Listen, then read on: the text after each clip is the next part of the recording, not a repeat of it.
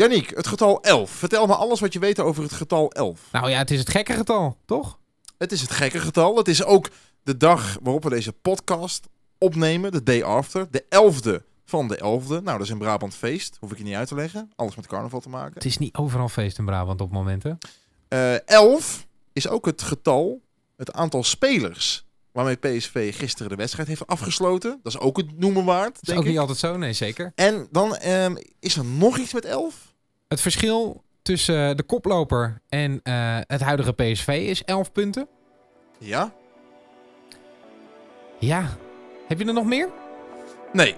Ik denk alleen dat deze podcast niet 11 minuten gaat duren. Want er Ik- is een hoop te bespreken. dat kunnen we zeker wel zeggen. Eh, dat gaan we doen in seizoen 3, aflevering 41 van de PSV-podcast. Het is Pablo Rosario die hem in de linkerhoek kegelt. Rechts van de keeper.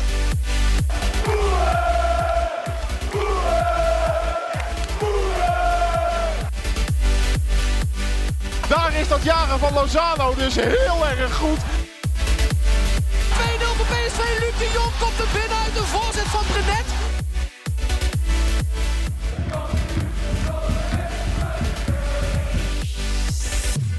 Laten we beginnen met het feit, waar heb je de wedstrijd gekeken?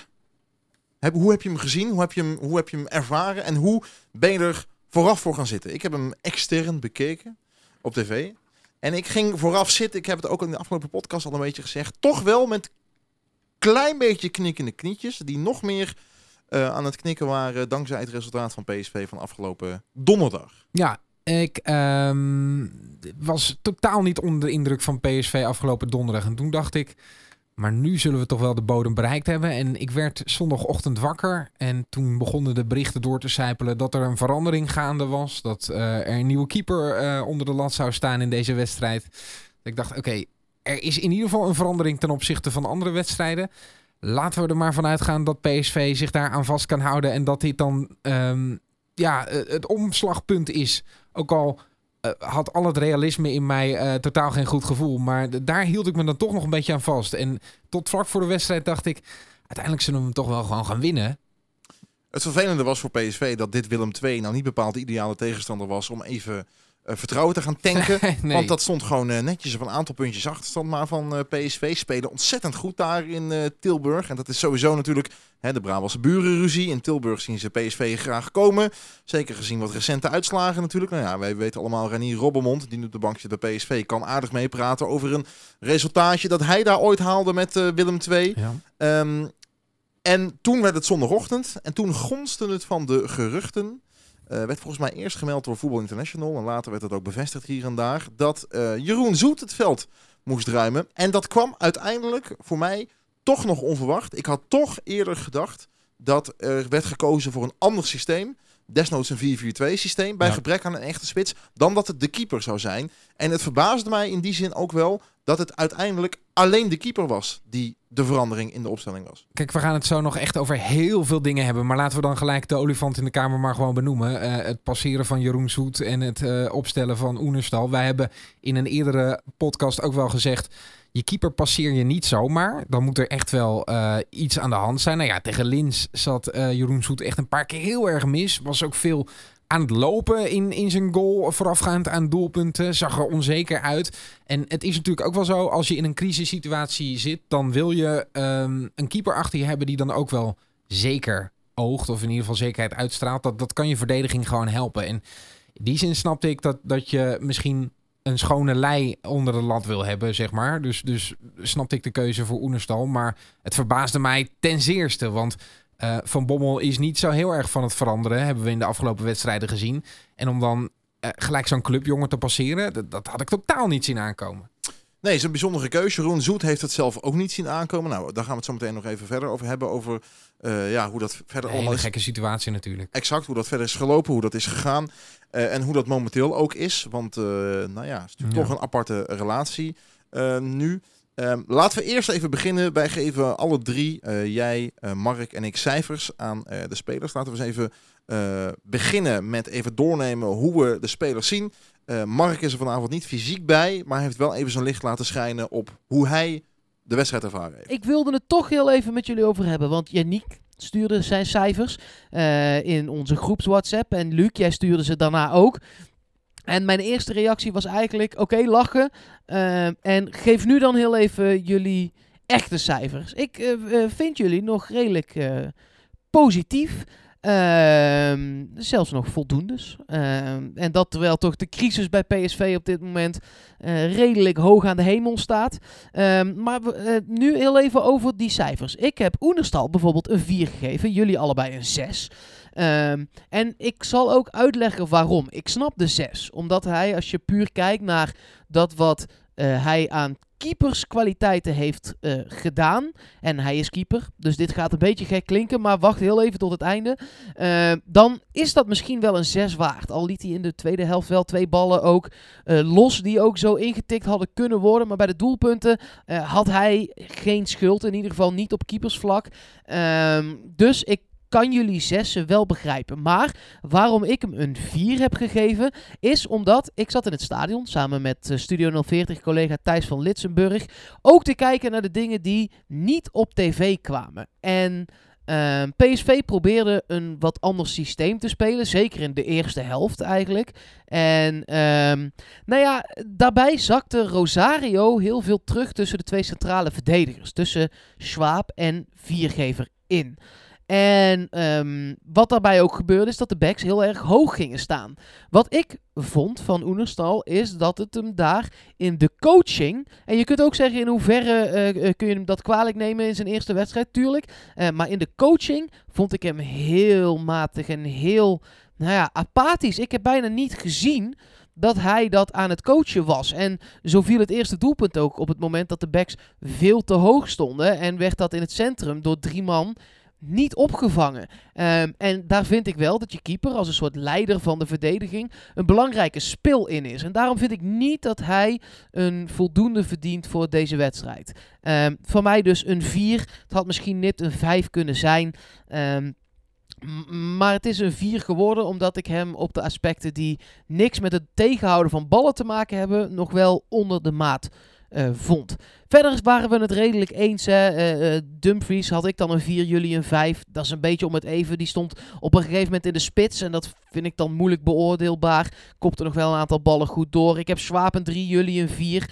Maar dat vind ik ook allemaal om het even. Was gewoon niet best. En de rest zitten we allemaal redelijk dicht bij elkaar. Ik ben iets pessimistischer dan jullie. Eh, in ieder geval over deze wedstrijd. Want nou ja, over de toekomst, daar gaan we het zo meteen nog wel over hebben. Ja, Mark zei het al. Wij hebben Oenerstal unaniem een 6 gegeven. Ja, ik vond hem een goede indruk maken. Hij heeft een paar goede reddingen verricht. En ik, ja, dat coachen, eh, daar hoor ik Mark over praten. Dat hij dan wellicht Sadilek beter had moeten coachen. Maar Sadilek stond zo ongeveer ter hoogte van de linker cornervlag. eh, op de helft van de tegenstander. Ja, dan kun je wel heel hard roepen. Maar in een vol stadion ga je dat coachen niet horen hoor. Dus eh, dit was gewoon... ehm, ja, die werd gewoon op snelheid afgetroefd. Het opkomen van de backs was echt een probleem, vond ik. Of eigenlijk meer de positionering van de back. Want waar Sadilek was bij het eerste doelpunt, ik heb geen idee. Nou ja, Eh, en aan de andere kant kwam Dumfries gewoon te veel op voor de, voor de situatie waar PSV in verkeerd, vond ik op dat moment. Kijk, we hebben eh, in, na die wedstrijd tegen Sparta hebben we besproken dat het wellicht kan werken dat je met vijf man achterin gaat spelen. Hè? Dat, dat je met drie centrale verdedigers speelt en dan de vleugelbacks wat, wat hoger. Eh Sadilek en Dumfries zijn dat dan in dit geval. Maar dit was een beetje hinken op twee gedachten. Want Rosario is natuurlijk niet echt een centrale verdediger. Stond er bij die goals ook niet als centrale verdediger. Moest terugkomen lopen. Daardoor stond Viergever niet bij de eh, rechtsbuiten van de tegenstander. Stond eh Schwab niet bij de linksbuiten van de tegenstander. Die stonden gewoon als centrum bij elkaar. Wat je ook wel weer kunt begrijpen. Maar ja, de vleugelspelers die, die waren totaal uit beeld. En daar kwam juist het meeste gevaar bij Willem II vandaan. Die jongens zijn pijlsnel. Ja, ehm, nou is het wel zo eh, dat Rosario natuurlijk al langer bekritiseerd is. Zelf ook heeft aangegeven dat hij niet in de beste vorm van zijn carrière verkeert. Ehm, kun je het dan wel van hem vragen om dan zo'n belangrijke rol in deze wedstrijd te vervullen door, door hem deze rol te geven? Ja, je geeft hem eigenlijk nog meer verantwoordelijkheden. Ja, hij, heeft, precies. hij heeft de band heeft hij gekregen. Daarvan hebben we gezegd, misschien is het eh, wat lastig voor hem. En dat is zacht uitgedrukt. Op het middenveld ontstaat superveel ruimte in het huidige systeem waarin PSV speelt. Dat is veel verantwoordelijkheid voor de jongen. En dan moet hij ook nog terug gaan lopen richting de verdediging. De bal daar gaan ophalen en op een normale manier in gaan spelen. Hij deed dat overigens slecht, het inspelen steeds. Ehm, ja, het is gewoon te veel ook. Kun je dat van hem vragen? Nou, je kunt dat zeker niet van hem vragen, omdat het eh, centrale duo van PSV eh, dat in spelen ook niet onder de knie heeft. Daar Nee. waar we Daniel Swaap daar vorig seizoen nog wel eens om bewierookt hebben, en we van Timo Baumgartel dachten dat hij dat ook had, ontbreekt het daar ook. Ja, wat er gebeurde is dat er lange bal werd gespeeld op aanvallers die niet echt om kunnen gaan met de lange bal. Het, ge- het gebeurde één keer dat het goed ging. Dat was een lange bal van Schwab. Die had eh Broema natuurlijk binnen moeten leggen. Ja. Maar verder waren de inspeelpases niet goed. Wat wel af en toe goed gebeurde is dat er een, eh, centrale verdediger indribbelde. Viergever deed dat af en toe. Daardoor ontstond er wat meer ruimte op het middenveld. Kon PSV wat meer vanuit balbezit spelen. Maar dat gebeurde ook pas toen PSV al 1-0 achter stond. Ja, eh, ik, ik kon niet echt duidelijk krijgen wat dan echt het plan was. Je Denk zag, je- wel, je zag wel wat verschillende mogelijkheden. Je zag wel, af en toe gingen de backs naar voren. Af en toe gingen de backs mee met de buitenspelers. Af en toe ging Rosario terug. Af en toe stond Rosario op, eh, in het centrum. Af en toe werd er lange bal gespeeld. Stonden er aanvallers die er niks mee konden. Af en toe stond er een spits. Dan ging de spits weer uit de spitspositie. Was er weer geen bezetting voor de goal. Het werd mij niet helder. Denk jij dat de verdediging van PSV anders op het veld heeft gestaan nu Oenerstal in het doel stond dan wanneer Jeroen Zoet in het doel stond? Weet ik niet. Ja, misschien dat je zoiets hebt van eh, frisse wind achter me. En iemand die eh, een goede reflex heeft. Iemand die misschien iets meer vertrouwen heeft dan de enigszins geknakte Jeroen Zoet. Dus dat kan wel lekker zijn in je rug. Ja, dat kan ik me voorstellen. Aan de andere kant, de automatismen zijn er niet. Je hebt een, normaal gesproken, degene die nu eh, naar je roept, dat is iemand anders. Dus ik kan me voorstellen dat ook wat onwennig is. Maar misschien is dat wat PSV nodig had. Ja, het was niet genoeg, maar ik kan me voorstellen dat het wel lekker is voor Viergever en Schwab om even iemand anders achter je te hebben. Hebben we de verdediging besproken? Laten we dan naar het middenveld gaan, waar we Rosario ook al gedeeltelijk eh, gehad hebben. Ja. Dan blijven daar over een 17-jarig talent, eh, waarvan ik blijf vinden dat je die op dit moment A, gezien zijn leeftijd, B, gezien zijn situatie, niet eh, zo'n grote verantwoordelijkheid kunt geven op dit moment. Ja. In, ik vind niet dat je hem...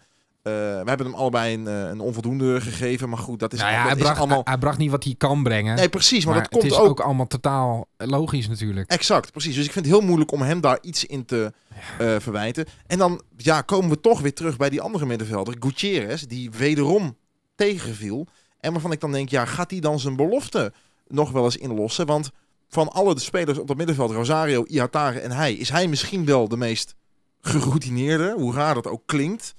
Is Eh, international. international van Mexico, die het, die het op dat moment kennelijk ook niet bij elkaar kan grijpen en kan zeggen, oké, dan ga ik de kaart trekken. Heb je Brugink over hem gehoord? Nee.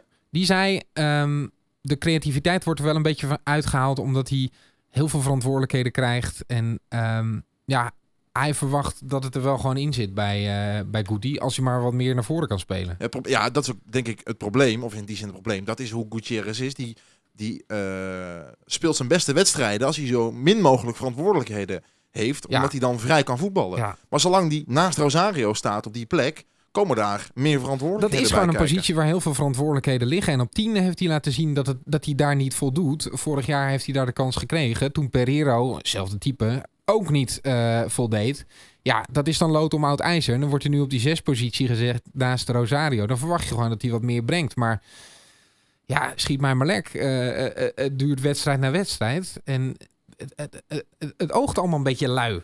Toch? Zeker, we hebben het Ja. al vaker gezegd. Van Bommel heeft daarin natuurlijk ook gewoon personele problemen. Over Iataren wil ik trouwens nog zeggen, ik had echt zo ontzettend met hem te doen. Af en toe dribbelt hij drie, vier man voorbij. Dan denk ik, die jongen, die verdient zoveel betere Ja. spelers om zich heen. Die gaat ook echt groeien als hij in een team speelt.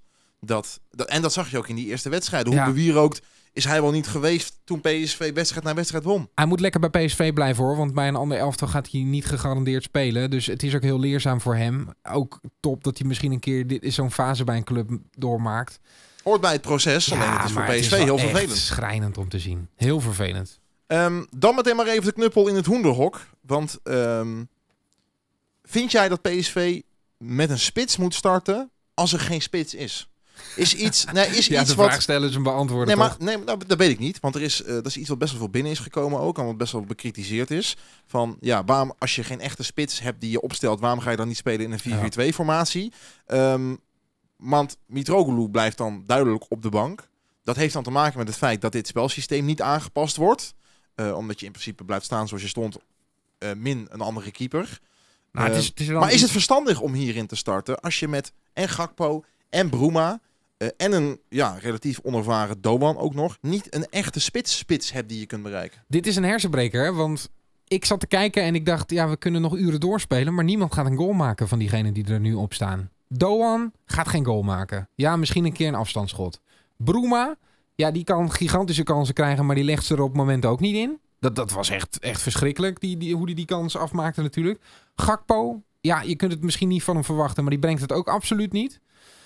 Daar staan er drie voor in die geen goal gaan maken. Iataren is niet super productief. Eh, Dat gaat op termijn wel komen, maar is nu nog niet in een fase van zijn carrière dat hij er tien in een seizoen inschiet.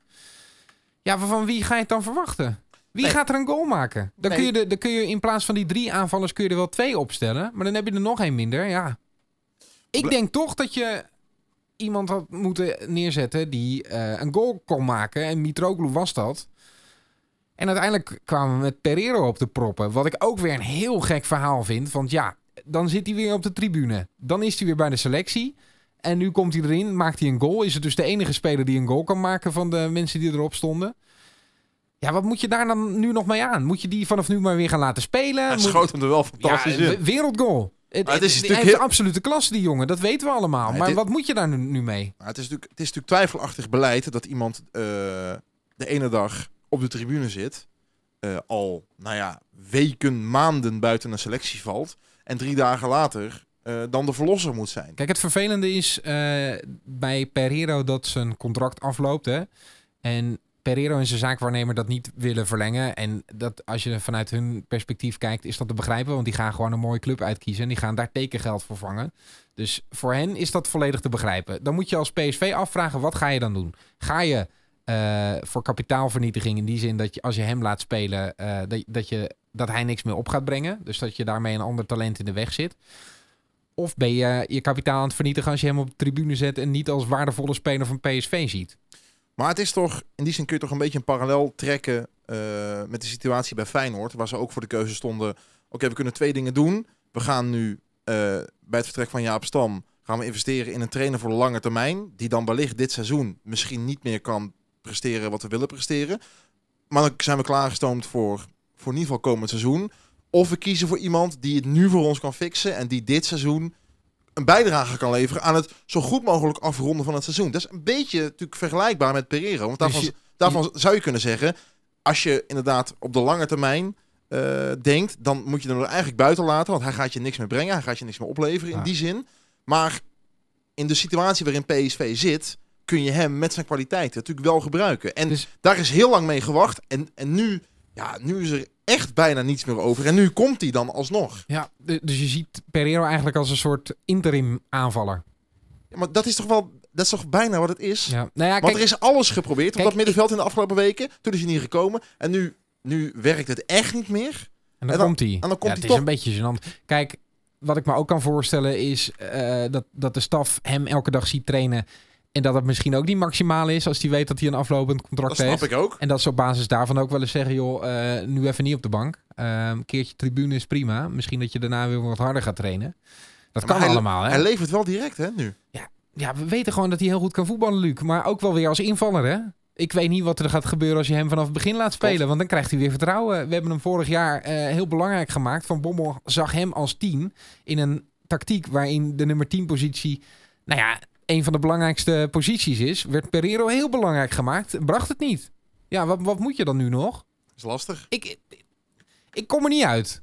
Ik vind het echt een, een, een breinbreker. Maar goed, het lijkt me niet de oorzaak van de crisis bij PSV. Ehm, maar wel iemand die een goal kan maken. En, en als een van de weinigen nog.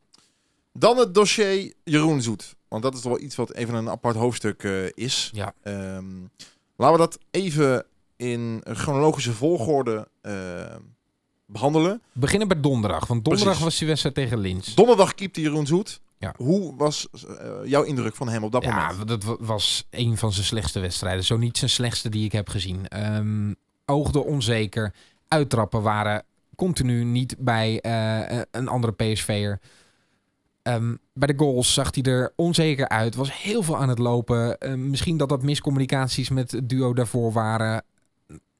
Maar ja, je kon er totaal niet van op aan. Hij deed hele gekke dingen. Dan stapte wordt, uit, stap, stapte weer terug. dan wordt het vrijdag. Ehm, heeft PSV tijd gehad om over dingen na te denken. Eh, ja, wordt kennelijk de conclusie getrokken binnen PSV dat het over een andere boeg moet. En dat dat in dit geval dan eh, op de plek van de keeper is. Het is wat, hè? Zo'n jongen die zo lang onder de lat en heeft gestaan. jaar. Echt een clubgast. Ja. Vanaf zijn vijftiende bij PSV. Dus ik Dat begrijp is een ook, beslissing, dat is hè? een moeilijke beslissing. Ja. Die zal ongetwijfeld, zal ongetwijfeld voor donderdag ook al over gesproken zijn. Uiteindelijk komt het punt waarop je denkt, oké, nu gaan we dat anders doen. Dat komt dan vrijdag. Dan wordt er vrijdag een gesprek gevoerd. eh, met Zoet en met Oenerstal. Want die wist het ook sinds vrijdag. Dus die is vrijdag verteld eh, Ja. dat hij... Nou, Zoet heeft te horen gekregen dat hij niet ging keeper. Hij heeft niet gehoord dat hij derde keeper Nee, zou precies, worden. daar komen we zo nog. Ja. Zoet heeft toen gehoord, je gaat niet keepen. Ik weet niet of je toen ook gehoord heeft of, of, of Oenerstal of voor Ruiter werd gekozen. Maar in ieder geval, eh Oenerstal ging keepen. Ja. Ehm, Ruiter is hierbij niet meegenomen Nee. in het gesprek. Althans, dat zegt hij zelf. precies. Ehm, wat had PSV op dat moment, op die vrijdag, anders moeten doen dan er nu gegaan is? Is het scenario dat iedereen schetst, zegt tegen Zoet, dit is een harde klap, we snappen het. Weet je wat je doet? We vragen lekker de keeper van de A1 mee om de driemans warming-up te doen. Die kennelijk heel belangrijk is, zo heb ik gehoord. Pak jij lekker even een weekendje weg. Meld je dinsdag of woensdag weer op het trainingsveld. Oh, hij moet trouwens naar, eh, naar het Nederlands elftal, eh, besef ik me nu. Dus dan, eh, dat, misschien dat dat ook een afweging is geweest. Ja. Maar in ieder geval, ga niet mee naar Tilburg. Ga daar niet naartoe, want dat is moeilijk. We, we redden het nu. Hè, met andere keepers wel. Ehm, maar daar is niet voor gekozen. En waarom is daar niet voor gekozen, vraag ik me af. Vind ik ook heel moeilijk. Ehm, kijk, het idee van PSV was uiteindelijk om hem uit de wind te houden. Hè? Want Ja. eh, we hebben uiteindelijk eh, alles meegekregen. Ehm, hij was de derde keeper. Dat werd hem op de wedstrijddag kennelijk meegedeeld. Ruiter was de tweede keeper. En de verklaring voor van, van Van Bommel hierbij was... dat als Willem II zou scoren of als PSV zou scoren... en hij zou niet juichen of hij zou zuur kijken bij een goal van Willem II... dan komt hij in beeld. Ja, het is zelfs, naar ik heb begrepen, echt kort voor de wedstrijd verteld. Want eh, uiteindelijk is hij nog mee de warming-up gaan doen om Oenerstal in te schieten. Eh, maar dat tekent voor mij wel een beetje hoe kort dat daarop is, eh, op is geweest. Ehm, en Maar dat, dat, dat daar zo angstig over wordt gedaan... dat iemand in beeld zou kunnen komen. Dat ik vind dat een hoofdcoach daar niet mee bezig moet Nee, ja, dat vind ik ook heel gek. Vind ik echt heel gek. Maar ja, als dat zo, als dat zo is, als je Zoet in bescherming wil nemen. En in alle respect voor Zoet, hè. Nogmaals, 100%. clubjongen. Ja. Echt, echt eh, eh, fantastische dingen voor PSV gedaan. Als je die gast in bescherming wil nemen en niet in beeld wil krijgen, dan moet je ervoor zorgen dat hij er niet bij is. Exact. En dat is, dat is echt verkeerd gegaan. Want vervolgens wordt dan dus duidelijk dat Ruiter de tweede keeper is. Ehm, dus er was überhaupt al geen rol voor Jeroen Zoet weggelegd. Als Oenerstal een rode kaart zou pakken of als Oenerstal geblesseerd zou raken, dan zou Ruiter erin komen. Ja. Ehm, nou, hoe groot is de kans dat je een derde keeper nodig hebt binnen één wedstrijd? Ja. Dus kortom, voor zo'n warming-up eh, neem je dan lekker eh, Van de Meulenhof mee. Of eh, wie, wie is er nog meer binnen de PSV-gelederen? Ehm, dan moeten we dan dus wel even meteen bij vermelden dat eh, Robin Ruiter nu ook een ontevreden keeper is. Die heeft namelijk na afloop van de wedstrijd eh, gezegd dat hij had verwacht een kans te krijgen. Omdat hij eerder natuurlijk Zoet heeft al vervangen tegen Rosenborg en tegen VVV. Toen er sprake was van een blessure. bij Hij zat op de bank tegen Lask. Onder andere. En die zegt eh, over de hele situatie: Ik heb die duels geen steek laten vallen. Dan verwacht ik de kans te krijgen. Maar dat is niet gebeurd. Nou, dat Ik- maakt dan twee ontevreden keepers. Ik ben het niet met Ruiter eens dat hij geen steek heeft laten vallen ben trouwens. ik ook niet met hem eens. Maar ik snap wel vanuit zijn perspectief. Ja, dit is het moment om zoiets aan te geven. Je wil ook gaan keepen. Het gaat niet gebeuren. Ehm, daar is Ruiter niet voor gehaald. En Oenerstal is wel gehaald om te keepen. Dat, dat is ook wel duidelijk geworden afgelopen weekend met alle uit- uitlatingen van Van Bommel. Maar hoe het met Zoet is gegaan, er zijn nu excuses gemaakt. Eh, Precies, nou dan, dan, wordt het dus, dan is het dus zondag. Dan keept Oenerstal die wedstrijd. Na die wedstrijd ontstaat er eh, rumoer. Eigenlijk al tijdens de wedstrijd. Want dan krijgen de journalisten door dat Jeroen Zoet in de bus is gaan zitten. Eh, en wat vind jij daarvan? ja, Snap je het? Ehm, ik snap het met de gedachte dat ik me kan voorstellen dat PSV niet heeft ingeschat dat daar iemand op dat moment lucht van zou kunnen krijgen.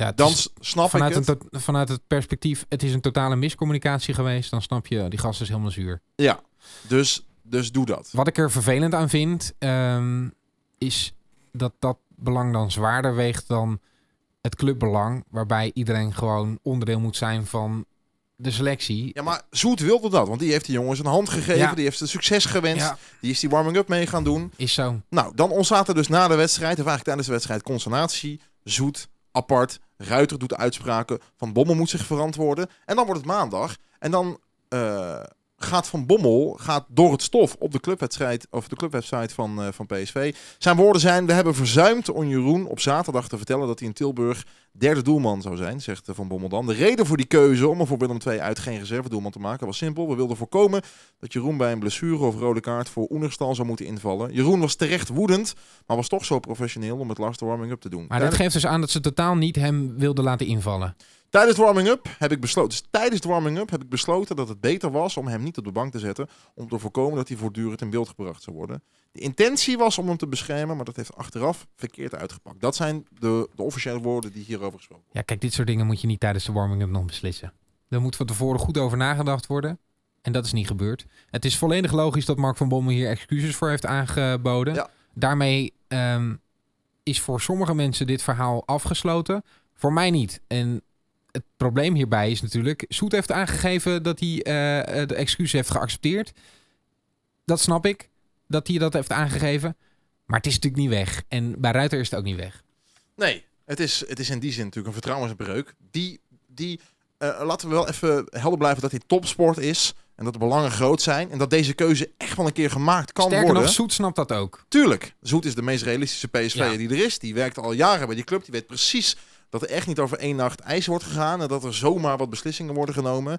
Maar het is natuurlijk qua communicatie is het, is het heel nalatig. En dan rijst dus wel ook de vraag, hier en daar. Waarom heeft er niemand anders binnen PSV ingegrepen? Waarom is er geen assistent ehm, geweest die op zaterdagavond toch nog even gebeld heeft met... joh, hoe moeten we dat nou even doen? Hebben we dit wel gezegd? Waarom is er niemand in een nog hogere functie die heeft gekeken... jongens, gaat het allemaal... Die heeft ongetwijfeld meegekregen wat er gebeurde. Waarom is PSV is, is de club van warmte, is de club van communicatie... is de club van geen verborgen kamertjes. Hoe kan dit zo misgaan? Nou We ja, hadden het er net over de laatste keer dat er Ja, zo'n incident is precies. geweest. Dat, dat, is, dat is 10, 12 ja, jaar geleden. bij mij geweest. schoot gelijk Edison Mendes eh, en, en Huub Stevens binnen. 2008, hè? En dat was ook nog eens een, eh, dat was, dat was ook nog eens een ruzietje wat ontstond. En wat natuurlijk niet goed te praten was, maar dat was, dat was echt in de heat of the moment. Ja. Het, dat ontstond op een training. Ongetwijfeld zijn daar natuurlijk eh, dingen aan vooraf gegaan. Maar dit is, dit is een beslissing van een dag of twee, drie en een aanlooptijd daarvoor geweest. Hoe kan het dat... Toch is het in de heat of the moment geweest, hè? Want het is tijdens de warming-up dus besloten. In de heat of the moment. Nee, het is tijdens de warming-up verteld. Dat is iets anders. Nee, eh, in, in het eh, persbericht zegt hij... Tijdens de warming-up heb ik besloten dat het beter was om hem niet op de bank te zetten. Ja, maar dat had natuurlijk vrijdag al besloten moeten worden. Ja, Als dat- we, als- dus, dus ik snap dat het... Maar het, het eh, voelt op, eh, komt op mij meer over alsof het zondag nog een beetje eh incidentmanagement was. Ja. Van oeh, we hebben toch een inschattingsfout gemaakt. Hoe kunnen we dit nu nog... Maar wat was het probleem geweest, Luc, als, het, als, als deze beslissing tijdens de warming-up er niet was geweest en Zoet gewoon op de bank had gezeten? Ik denk dat er dan minder aan de hand was geweest. Maar Ja, ik denk ook dat als je vrijdag met z'n allen had besloten... Oké Jeroen, is een vervelende situatie. Eh, we vinden je er geen cent minder om. Maar we kiezen hier nu voor. Blijf dit weekend lekker thuis. Je maakt een statement namens PSV en Zoet, desnoods. Maar denk je niet dat mensen dan hadden gedacht, eh Zoet wilde niet bij zijn? En, en Ik denk niet, als je daar, als je daar een je goed moet gewoon helder Als communiceren. je daar een goed statement Ja. voor had gemaakt, dan denk ik niet dat mensen een, een clubjongen van 6,5 jaar carrière bij PSV dat zomaar even hadden.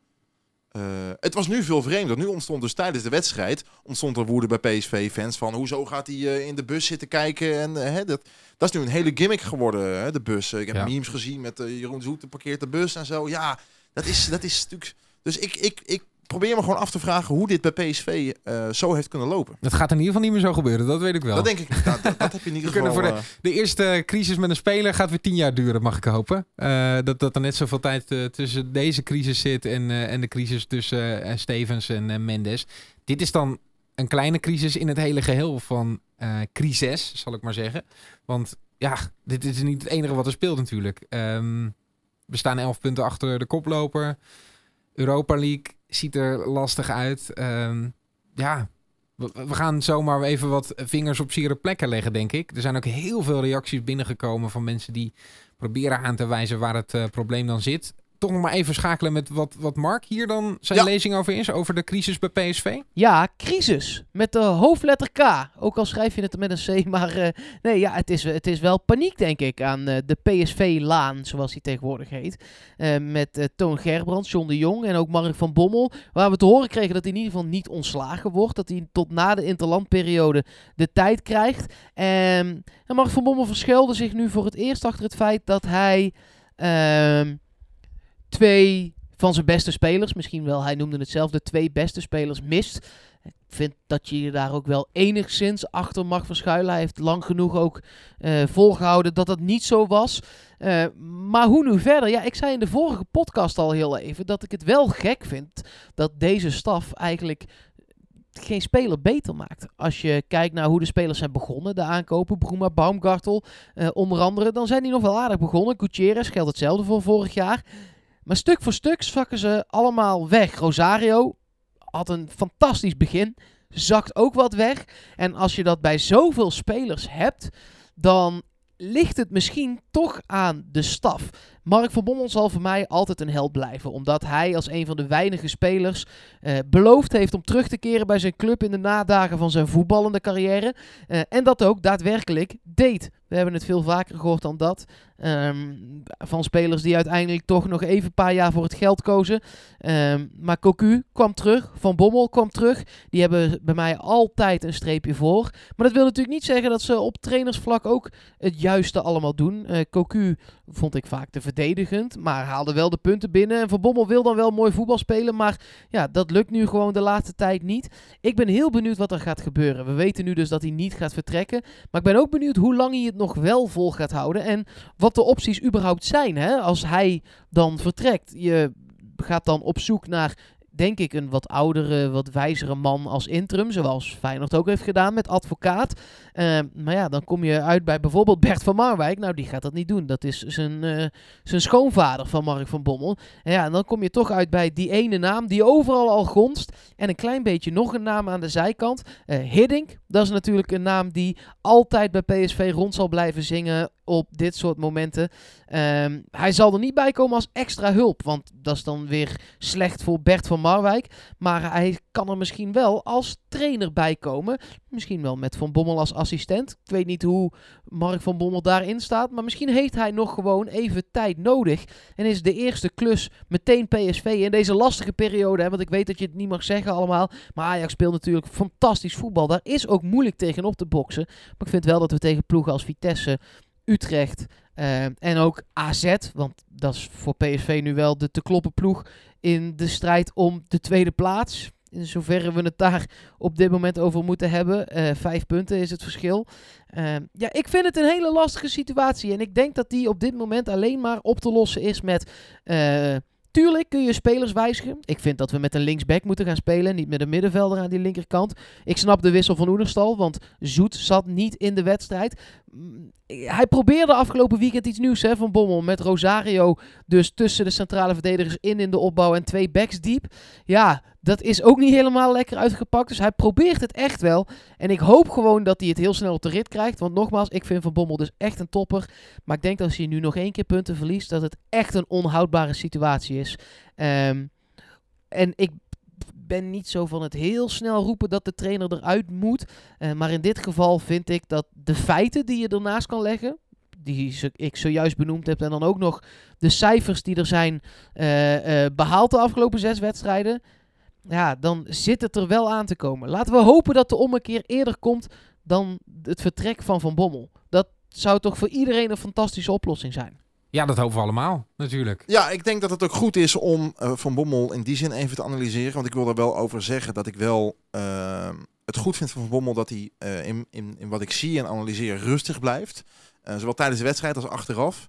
Ehm, hij weet... Tenzij dat, dat incidentje met het eh, van de trap aflopen. Ja, het van de trap, maar goed. Dat, dat, dat is denk ik de adrenaline op dat Ja, moment. kan gebeuren. Ehm, maar ik vind dat hij redelijk helder verwoordt eh, wat hij vindt en wat hij voelt en hoe hij het ziet.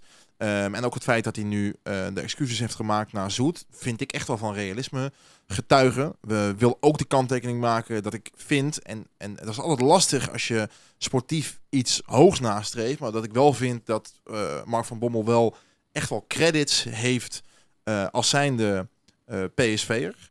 Maar ik vind het wel interessant om even door te nemen wat hij dan na afloop van de wedstrijd over het algehele beeld zegt. Ja. Niet per se alleen maar over de situatie eh, Zoet. Hij zegt na afloop van de wedstrijd, "Norma- natuurlijk ben ik zwaar teleurgesteld, maar ik moet zeggen dat het elftal er alles aan doet. Daar wil ik zo meteen al even Ja. op inhaken. Hou ik eh, in de gaten. We krijgen snel een goal tegen, maar daarna herpakt het elftal zich. We krijgen een aantal kansen en schieten tegen de lat. Ik denk dat we ook een penalty moeten krijgen. Volgens mij hebben we er alles aan gedaan, maar het zit in deze fase absoluut niet mee. Kijk, als je de twee beste spelers mist, haal Neymar en Mbappé weg, haal Suarez en Messi weg. Daarnaast is dit een jonge groep en jonge spelers kunnen zich normaal gesproken optrekken aan de beste spelers. Dat is een volledig logische verklaring. Alleen luister, ik ben verantwoordelijk voor de resultaten. Mag ik iets over de Mbappé Ja. en eh, Messi vergelijking zeggen? Zeker. Want ik denk dat dit, deze twee clubs, als die twee wegvallen, nog steeds goede vervangers hebben die in ieder geval een goal kunnen maken en die van de middenmoot in hun competitie wel winnen. En dat is voor PSV dus heel lastig nu geworden om, om van de middenmoot in je eigen competitie te winnen. Laat staan van een ploeg in Oostenrijk waar je op, op kwaliteit ook echt van had kunnen winnen. Nou, en daarbij snap ik wel wat hij zegt. Alleen vind ik het andersom uit te leggen. Het vreemde is namelijk dat de relatief jonge spelers waarover gesproken wordt, dat is bijvoorbeeld Ihatare. Daarvan vind ik juist dat dat een speler is die zich de afgelopen wedstrijden nog redelijk heeft gehouden. Ja, en dat het routiniers als Schwab en Viergever zijn die wat mij betreft door de mand vallen. Ja. En ik vind dat niet zozeer meer parallel te trekken met de afwezigheid van eh, Bergwijn en Malen. Ik, ik eh, vind het onlogisch dat zijn man laat lopen, verkeerde inspeelpases geeft, onzeker overkomt. Ja, dat vind ik niet iets dat direct te, te maken heeft met afwezigheid van Malen. Bovendien, je vergroot nu wel heel erg de druk ook op die twee jongens. Want zij worden nu de Messi en de Mbappé van onze ploegen. Ja, die moeten nu terug gaan komen. En dan hangt daar volledig de druk op. Hè? Want het ligt aan het verdwijnen van hen uit de basis. Ja, nou denk ik wel dat zij met hun kwaliteiten echt wel weer de ploeg een beetje aan het Het is ook wel zo. Eh, ik ben ook heel blij als ze terugkomen. Maar ik zou het, ik zou, laat ik het zo zeggen, ik zou het heel vreemd vinden als Schwab en Viergever eh, weer meer op hun oude niveau komen als Bergwijn terugkomt. Ik, ik, ik link dat niet zo goed aan elkaar. Nee. Eh, juist omdat Iatare best wel overeind is gebleven de afgelopen wedstrijden. Die, vond- die vond ik nou niet zeer door de mand vallen. Met alle mea culpa's die hij natuurlijk sowieso heeft. Vond Zo. ik- toch? Ja, die blijft echt eh, eh, als een ijskonijn eh, overeind staan. Met alles wat die jongen meemaakt. Dat is echt ongelooflijk. Die springt er positief uit. En dan over dat elftal dat zich herpakt. Ehm, misschien ben ik, volg ik PSV te lang en heb ik te veel strijders op het veld gezien als een Mark van Bommel, als een Philip Cocu, als een Timmy Simons, Guardado, als een eh, Guardado, als een Jan Heinze, als een Alex. eh, Santiago Arias. Dat, de, die gingen er, en dat is in PSV-verband is, is dat wat lastig op dit moment, maar die gingen er met gestrekt been in. Eh, en ja, ik mis die, die venijnigheid en die ten koste van alles ga ik deze bal nog achterhalen. Ja, ik, ik heb dat toch ook niet in de mate gezien waarvan ik denk dat het erin zit afgelopen zondag. De echte onoverwinnelijkheid. Verbeterheid. Dan, dan, dan maar eh, mijn broek die afscheurt of mijn shirt dwars door midden. Of, maar ik, ik, ik moet en zal hem Ja. Van wie verwacht je dat nu? Ik verwacht dat van Schwab, ik verwacht dat van Viergever, ik verwacht dat van Rosario, de Nou, aanvoerder. doet het wel. Ik verwacht dat dat, geloof van, ik wel. ik verwacht dat van Gutierrez, al kun je dat misschien van, van iemand met zijn karakter Ja, daar verwacht ik er echt niet van. Ja, maar van wie moet je er dan nog verwachten? Want je kunt het niet van Ihatare Nou ja, verwachten. misschien is de conclusie dat we er daarvan te weinig in de selectie hebben. Ja. Dat, Dat- je op het middenveld eh, eh, de, de echte winnaars ontbreken. Eh, voorin heb je een- dus niet een aanspeelpunt. Iemand die voor alle ballen gaat. Iemand die een bal bij zich houdt. Ja, dat ontbreekt gewoon ontzettend. Dan, dan, dan ontbreekt ook het idee bij PSV. Het is een lastig pakket. Zo. En wellicht dat in de winter. Eh, ja, dat toch nog eens goed naar. En misschien dat de druk in de winter ook minder is als het kampioenschap uit, eh, uit zicht is. Eh, dat PSV dan in wat meer rust daarover na kan gaan denken. Want ehm, misschien dat het goed is om even blik te werpen op de reacties die zijn binnengekomen. Mensen die hun tips en eh, tricks eh, mededelen. Die ook visies loslaten op kanten op. spelsystemen. Ja. Ehm, we hebben een aantal dingen uitgepikt. Misschien kunnen we daar eens gewoon naar gaan kijken. Maar Ja. dan sowieso voor je reactie. Dat vinden we altijd leuk. En als Via je, Twitter en via Instagram, via Soundcloud zijn allemaal reacties binnengekomen. Heel fijn, dat, eh, dat helpt ons. En het is altijd tof om eh, het vanuit meerdere perspectieven te bekijken. Want eh, ja, dit zijn er twee, maar Precies, en dan hebben we Mark er nog bij, dan zijn we drie. Maar als we er eh 300 hebben, is het alleen maar fijner, toch? 17 miljoen bondscoaches heb ik wel eens gehoord, Heel goed. toch? Ja. Ehm, laten we eens beginnen met nou ja, de opmerking van Ed Yannick Stoop op Twitter. Hij begint zijn tweet namelijk met twee woorden die wij in deze podcast nog niet hebben laten vallen, maar die wel steeds belangrijker worden. Zeker na het optreden van Sadilek afgelopen zondag, wat ik veruit zijn minste optreden van eh, de afgelopen wedstrijden vond. Hij zegt namelijk, ik zou Lato of Boskagli toch op linksback proberen.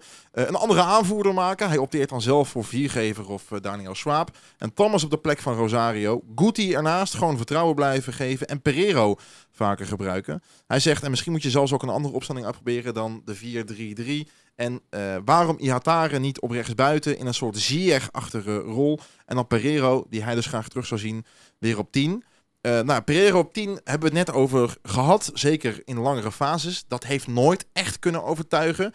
De vraag is, kan je dat in een crisisteam eh, wel? Maar goed, Tony, of, Tony Laten we en, bij de linksback beginnen, want daar begint hij ook mee. en Boskagli, dat is natuurlijk wel... Nou ja, er zijn twee echte linksbacks gehaald. Althans, eh, twee mensen voor die positie van linksback. Uh, daarvan is wel gezegd, eh, hij is voor de linkerkant van de verdediging gehaald. Dus zowel de linksback als de linker centrale positie.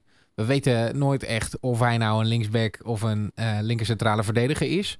Maar als je Lato haalt voor de basis, die jongen voldoet niet, dan zou normaal gesproken zou Boscanli daarvan je eerste vervanger zijn. Ehm, een echte kans heeft hij voor mijn gevoel nog niet gekregen. Een paar keer heeft hij dan wel mogen spelen en voldeed dan niet. Maar ik denk dat het, eh, ja, ik, ik weet niet of deze crisissituatie nou het ideale moment is om hem wel die kans te gaan geven. Maar ik denk wel dat het logisch zou zijn om een linksback, of althans iemand die daarvoor gehaald is, op de linksback-positie te zetten. En niet een middenvelder die nu echt al heel veel wedstrijden achter elkaar aan eh, heeft getoond dat dat niet zo goed werkt. Sadilek. Eh, dan is er ja, wel de vraag, kijk, Tony Lato, in hoeverre is PSV te verwijten dat dat een mismatch is? Dat kan natuurlijk een Ja, keer dat kan gebeuren. een keer gebeuren. Dan is het voor PSV voornamelijk gewoon heel vervelend dat het precies op deze plek is. Als dit een aanvaller was geweest, waarvan PSV gewoon ruim in de broek zit, dan eh, was daar... Nou ja, dat valt ook wel mee. Als er eh, twee wegvallen, dan ben je klaar. Nou ja, ja, ja oké, maar je kunt wel nog Doan opstellen, je kunt nog Broema opstellen, je hebt nog Gakpo. Nee, dat zo, klopt. Het is niet zo dat je dan een middenvelder als rechtsbuiten moet gaan gebruiken. Wat natuurlijk andersom nu wel gebeurt. Nou, maar dan is de als- vraag, heeft John de Jong PSV genoeg klaargestand voor de competitie Ja. met, eh, met die positie aan de linkerkant Ja. van de verdediging? Ja. Ik vind van wel, Ik vind ook van wel. want ik, ik ben ervan overtuigd dat, dat, dat dan Boscanji meer kans had moeten krijgen. Of vinden we hem te zwak? Nou ja, langer misschien. Misschien is het iemand die, die, die gewoon meer speeltijd nodig heeft om uiteindelijk een hoger niveau te bereiken. Maar ik vind niet dat je PSV kunt verwijten dat er te weinig geïnvesteerd is ehm, in, in de backpositie. Eh sterker nog, daar is gewoon goed kennelijk over nagedacht. Wat wel duidelijk is, en nu Lato niet voldoet, moet daar dus weer iets gaan gebeuren. Ja. Zou jij de komende wedstrijd beginnen met Boscoli? Ja. Ja, ik denk ik ook. Ja. ja. En Sadilek dan in een andere rol? Want daar wordt verderop namelijk in de reacties ook nog over gesproken. Als bankzitter een andere rol is dan eh, in een andere rol, ja. Dan nog eh, Louis Lou Louis, mooie naam. Die zegt, waarom denkt iedereen dat Bergwijn en Malen onze twee centrale verdedigers zijn? Nou, dat is al een beetje... Dat is, Nee, ik snap wel wat hij bedoelt. dat, ik snap ook wat hij bedoelt, maar dat is een beetje van, joh, in hoeverre kun je nog... eh, Ja, we krijgen echt ontzettend veel tegengoals precies, ook, hè? in hoeverre kun je nog zeggen dat de crisis enkel het ontbreken van, van Bergwijn en Malen is? En we maken geen goals. En we krijgen er ontzettend veel om, om onze oren. Ja, dat ligt niet alleen aan Malen en aan Bergwijn. Maar dat hebben we al geconcludeerd. Ehm, dus wij doen in ieder geval niet alsof zij de centrale verdedigers zijn. Als dat je positief stemt, Louis. Dan Ed Erik van Vonderen. Die eh, heeft een vijftal eh, items. Eh, ik neem ze even met je door. Hij zegt: Het meest voor de hand liggende is, wat mij betreft, een vertrek van Mark van Bommel. Op zijn minst terugzetten naar de jeugdteams. Gaat voorlopig niet gebeuren. gaat voorlopig niet gebeuren. En dat tekent ook wel gewoon PSV. Dat die man voorlopig nog de kans krijgt. In ieder geval. Ik vind dat iedereen met de crisis moet, moet kunnen omgaan. Op zijn minst de kans moet krijgen om met die crisis. Kijk, de vraag is wel wanneer dan wel het moment komt. Ik denk dat als de Europa League heel precair gaat worden, dat het dan ehm, ja, moeilijk gaat worden voor Van Bommel. Maar nu heeft hij wel weer wat lucht met de periode dat er geen wedstrijden zijn. Dat hij even rustig op het bankje naar Oranje kan kijken hoe, eh, de spelers het daar doen. Komen we zo overigens nog op terug. Maar even wat lucht, dat is denk ik wel prettig. Andere functie voor John de Jong. En per direct nieuwe technisch directeur benoemen. Aan het eind van de transferzomer zei ik, goed werk geleverd. En ik ook. En En dan daarom... vallen er best wel wat jongens tegen. Is hem dat dan te verwijten? Nou ja, uiteindelijk voldoet dan misschien de selectie niet. Is Mitroglou toch niet zo goed als we hadden gedacht? Is Bruma toch misschien die 15 miljoen niet waard? Is Baumgartel misschien die 10 miljoen niet waard? Het zijn er wel heel veel. Ja, maar in hoeverre is dat die jongens persoonlijk... Dat is natuurlijk dat is de grote vraag. In hoeverre vallen zij allemaal eh, los van elkaar tegen? En in hoeverre vallen zij tegen omdat ze op dit moment niet in een, in een team spelen dat zich prettig voelt en goed presteert? Ja, dat is wel een goed punt. Want ik vond Baumgartel aan het begin van het seizoen wel voldoen. Die hebben wij echt... nou, we hebben het volgens mij vorige podcast ook... Die hebben een 9 gegeven nog in die Ja. wedstrijd van, van, van, van Malen. Nou, helemaal aan het begin zagen wij Bruma ook dingen doen waarvan ik dacht... nou, dat wordt een leuk seizoen met die jongen. Ja, Die dus gaat wel eh, er tussendoor dribbelen. Dus het is ook niet zo vreemd dat je, dat je, dat je dan nu minder eh, presteert. En ik vind ook dat er ook eh, voldoende eh, nou ja, oud-PSV'ers zijn die niet presteren. Om maar Jeroen Zoet te benoemen. Om maar Daniel Swaap te benoemen. Dat zijn natuurlijk geen aankopen. Geen jongens die nieuw in de selectie zijn. Geen jongens die nieuw zijn in Eindhoven. En daar lukt het ook niet bij. Dus ik denk toch dat je daar toch wel gedeeltelijk een slag om de arm moet houden. Dat dat misschien toch de algehele malaise is die die jongens ook zou kunnen beïnvloeden. Hij geeft ook nog aan Erik van Vonderen dat hij een actievere rol wil eh, voor de Raad van Commissarissen om Toon Gerbrands te coachen. Nou, als er één chef-coach is, dan is het volgens mij Toon Gerbrands. En volgens mij laat hij zich niet per se coachen. Althans, daar moet ik bij zeggen, hij staat voor heel veel dingen open. Ehm, maar hij is juist degene die eh, de rest van de organisatie zou moeten coachen. En daar ook het meeste van zijn tijd mee bezig is. Er is wel wat kritiek op hem geweest nu ook. Hè, van dat hij misschien toch te veel bezig zou zijn met zijn boekjes en te weinig met de organisatie. Hij treedt natuurlijk niet heel veel op de voorgrond. Maar ik ben daar heel groot voorstander van. Ik vind dat een algemeen directeur van PSV op de achtergrond moet blijven. Ik vind dat hij niet nu voor de camera moet gaan lopen verkondigen hoe het verder moet in deze crisis. Een tweet heeft hij eh, afgelopen week verstuurd. Vond ik prima. En verder is Gerbrands ontzettend belangrijk. Ga daar maar vanuit. Want als iemand altijd de rust zelf is, is hij het. En als iemand met een crisis om kan gaan, is hij het ook. Ja, en ik vind ook dat eh Gerberand was er ook in alle jaren dat het PSV eh, voor de wind ging. Heeft PSV in vrijwel alle opzichten een stapje omhoog geholpen. En eh, ik denk dat hij de laatste is die op dit moment eh, ja, hier heel veel aan zou kunnen doen op sportief vlak. En ik vind het gewoon goed dat ik afgelopen zaterdag een interview van, ehm, ik geloof het Eindhovens Dagblad of van Omroep Brabant zag, van Gerbrands op de hertgang. eh, vanwege een supportersbijeenkomst. waar hij gewoon in zijn t-shirtje en zijn, zijn pullovertrui Ja, stond. Dat tekent echt wel. goed gedaan van PSV Precies, dat. vind ik zijn dedication tekenen. Dus ik, ik zie daar ook niet per se meteen ehm, ja, een groot probleem. Nee hoor. Ehm, dan nog even twee dingen die ik meteen samen wil vatten. De scouting radicaal veranderen en het eh, professionaliseren van de medische staf. Ehm, ja, ik denk dat dat laatste een beetje slaat op de blessures Ja, nu. wat kun je daar nou over zeggen vind als dat- buitenstaander? Ik vind dat we daar niks over kunnen Wij zeggen. zijn toch niet bij de, we hebben toch geen medische rapporten ingezien of zo? En de scouting radicaal veranderen is een beetje, denk ik... het- Nou ja, kijk, we hebben he- al heel vaak besproken dat het voor PSV een hele lastige situatie is om echt te scouten. Want in Zuid-Amerika ben je gewoon te laat. Ehm, de echte topclubs, die, die zijn er sneller bij. Ehm, ligt dat aan PSV, ligt dat aan die topclubs? Ehm, PSV heeft in ieder geval een ander beleid ingeslagen. Hè? Eh, is meer nog jongere spelers gaan eh, scouten, zodat ze in de jeugdopleiding al aansluiten. En niet meer dus voor het eerste. Ehm, daarvan blijven er uiteindelijk een beperkt aantal over. Die komen dan wellicht in je eerste elftal.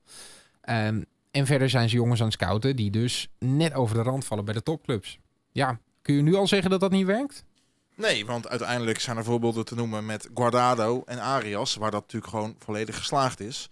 Ehm, en dat je nu een seizoen hebt waarbij je niet de gouden vis uit de, uit de Primera Division trekt, die het meteen eh, laat zien en zich hier eh, perfect op zijn plek voelt. Ja, dat, dat Moet er wel bij zeggen eh, dat we voor Arias een paar ton hebben betaald. En voor Guardado uiteindelijk eh, was dat eerst een huurconstructie. Hebben we wel wat miljoenen voor betaald. Zeker Ja. ook met zijn nee, salaris. dat, dat is waar. nu ga- eh, spreek je wel over 15 miljoen over 10 miljoen, hè? Ja, dat klopt.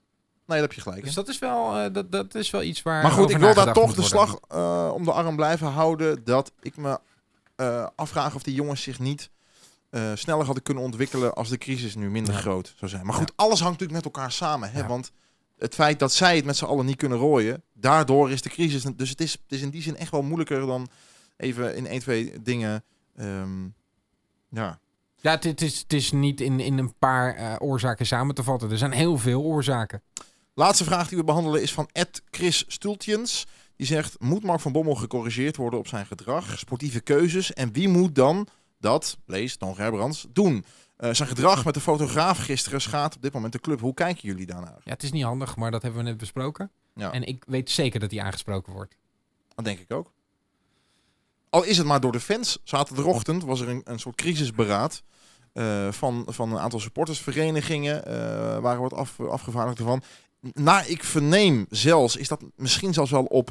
eh, ik hoorde van Bommel in ieder geval zo, op zoiets hinten dat het op initiatief is geweest zelfs van op zijn minst PSV eh, en misschien Mark van Bommel. Dat het niet zozeer echt eh, supportersclubs zijn geweest die, die daar wekenlang aan de poort hebben staan rammelen tot ze eindelijk een keer binnenkwamen. Ik vond hoe Van Bommel daarover sprak echt wel overkomen alsof hij dat ook min of meer zelf geïnitieerd had. Van joh, ik wil naar jullie luisteren Ja. en vertel wat. En dus ik vind dat alleen maar goed. Je kunt beter dat hebben dan dat je zondagmiddag met die bus staat. Exact. Toch? En dat, dat tekent wel PSV. Ja. Eh, en ik denk dat als Gerbrands eh, iets ziet waarvan hij denkt, hier moet ik, eh, hier moet ik iets van zeggen, dat dat echt wel, ehm, dat het echt wel zal gebeuren. Eén ding wat ik nog wel wil zeggen, waar ik een beetje klaar mee ben, is alle aanwijsbare redenen en alle excuses die wel worden genoemd. Ehm, ik hoor te vaak wel een beetje rond de PSV hangen van, nou, het ligt hier aan, het ligt hier aan. Dat, dat, Maar dan doe je bijvoorbeeld op zo'n zo'n eh, Mbappé eh Ja. Neymar vergelijking. Ja. ja. ik vind, en eh, ik weet dat Toon Gerbrands dat ook altijd in zijn boeken zegt. Eh, ik heb het nog even opgezocht. Hij zegt ook, eh, excuses horen niet bij topsport, anders hoef je ook niet meer te evalueren. En dat vertraagt de boel alleen maar. Maar dat, ik kan me ook wel voorstellen dat dat Mark van Bommel is die vijf minuten na de wedstrijd voor een microfoon staat. Ja, en, en maar het is niet iets, de eerste keer, hè? Ja, maar en die iets wil zeggen, maar het zelf misschien ook niet kan zeggen. En die misschien een dag later die vergelijking er niet bij zal halen, omdat hij dan rustiger is, kalmer is en er meer... Je kent toch wel zo'n situatie waarin je iets gevraagd wordt en je denkt, ja, ja, ik, ik, ik moet iets zeggen om op zijn minst... Ik wil daar wel, ja, ik, ik, snap, ik snap dat je daar kritisch op bent. En ik vind het een zwakke vergelijking, want ik vind überhaupt niet dat je als topclub een andere topclub erbij moet gaan halen en daar een vergelijking moet gaan trekken. Het is overigens wel waar dat Barcelona er zonder Messi geen reet van kan. Nee, nee, nee, geldt nee, terzijde. nee. eh, eh, snap ik. Ehm, dus, dus ja, het is voor, voor, Van Bommel uiteindelijk ook allemaal de eerste keer dat dit Ja. gebeurt. Hè? Het is niet zijn zesde sportieve Nee, crisis. Het, is nee. geen, eh, het is geen advocaat die weet hoe die, hier, hoe die hiermee moet dealen. Dat is Klopt. uiteindelijk allemaal wel lastig. Alleen dan steekt ook wel weer de kop op. Hoe vaak hebben we Bert van Marwijk bijvoorbeeld nog op de hertgang gezien dit seizoen? Ehm, Guus Hiddink moet nu ineens weer kopjes koffie komen drinken, wordt hier en daar geroepen. Eh, het klopt voor mijn gevoel, maar goed, dat kunnen we ook alleen maar van, van, van buitenaf analyseren. Voor mijn gevoel klopt het wel dat Van Marwijk voor mijn gevoel wel meer op de achtergrond in ieder geval nu is. In ieder geval naar buiten toe. Vorig jaar zagen we hem echt op het trainingsveld in een shirtje. Ehm, en het, het- ik kan me ook voorstellen dat hij een jaar heeft meegelopen. Nou, misschien is dat ook wel de afspraak geweest aan het begin. Precies, dat jaar is, Ja, dat weten we allemaal niet, hè? is best goed gegaan. Uiteindelijk, hè, je finisht achter Ajax op zich nou, op een redelijke afstand. Ehm, dat je zegt van, nou ja, dan gaan we het na de zomer, eh, hè, gaan we dat niet meer doen. Ehm, dus misschien dat, dat, dat, dat je wel een... eh, Hij was wel mee naar het kasteel. Daar heb ik hem gezien op de tribune. Oké, nou dan is hij toch dichter, in ieder Ja. geval dichterbij dan, we, dan, dan de indruk die we misschien af en toe Ja. hebben. Ja, ja. De crisis, ja. Is er een oplossing, Luc? Nee, de oplossing is niet, is niet zo aan te wijzen. De oplossing is niet, is niet, is niet je kunt nu niet zeggen eh, in 1, 2, 3 dingen, dit lost het op en dit moet anders. Ik snap de, ik snap de hysterie en de roep om, om, om bommel out en hashtag. eh, ik, ik snap het allemaal wel, want je, je, je probeert iets aan te wijzen waarvan je denkt, oké, dat, is, dat is in essentie het probleem. Maar de waarheid is dat dit probleem vele malen dieper zit. En dat PSV nog blij moet zijn dat het verder een best wel stabiele basis heeft ook gewoon om dit probleem op te analyseren. Zeker. Ehm, en ik wil er ook wel bij zeggen, het is echt een sportieve crisis. Het is Ja. niet zo dat de hele club eh, op zijn gat ligt. Nee, precies. Dat. Althans, ehm, het kan wel gaan gebeuren. Want als je dus Europees voetbal na de winter mis zou lopen... en eventueel een tweede plaats zou mis gaan lopen... dan ben je ver van huis. Ehm, dus laten we hopen dat het binnen de perken blijft. Eh, dat het bloeden op, eh, op tijd stopt bij PSV. Ja, dat moeten we nu gaan zien. Ik hoop dat het heel snel stopt. Ik denk dat de interlandbreek op een eh, goed moment komt, in ieder geval. Voor, eh, voor PSV, voor Mark van Bommel. En eh, ja, dat dat een moment van bezinning kan zijn. En op zijn minst om daar goed over na te denken. PSV traint gewoon door. Zometeen nemen we even de spelers door die gaan vertrekken. Dat zijn er, of in ieder geval vertrekken, die naar hun, die naar hun club gaan.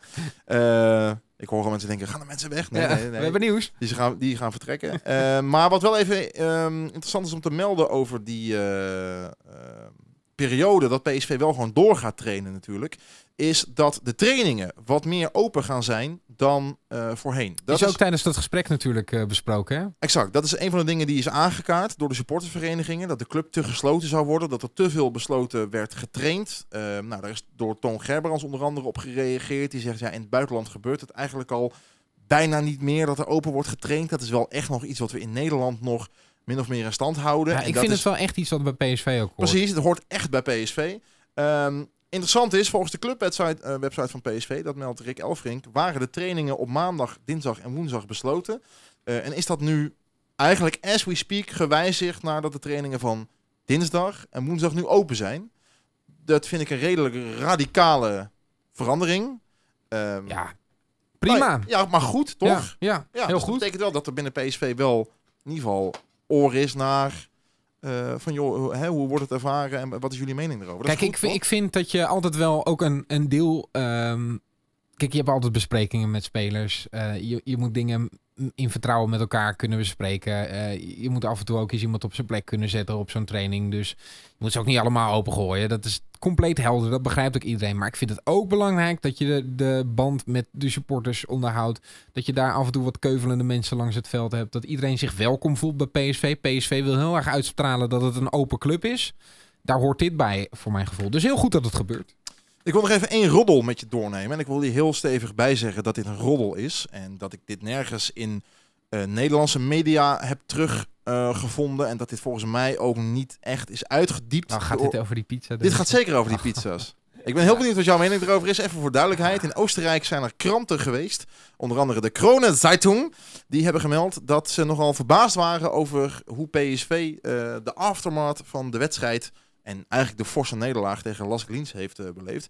Ze zeggen namelijk dat uh, eh, PSV nogal heeft huisgehouden in uh, de kleedkamer. Dat hij niet bijzonder netjes is achtergelaten. En zij toppen hun bericht ook nog eens um, met het feit dat zij melden dat PSV pizza's liet aanrukken in de kleedkamer. En ze schrijven daar zelf over. Het is moeilijk te geloven, maar de Nederlandse nummer 2 van vorig jaar, die slechts drie punten achter het grote Ajax eindigde, zag na de wedstrijd tegen Lask niet goed uit. Niet alleen met de kleedkamer als een zwijnenstal achtergelaten, ook toonde het een houding die niet past en liet het pizza's aanrukken.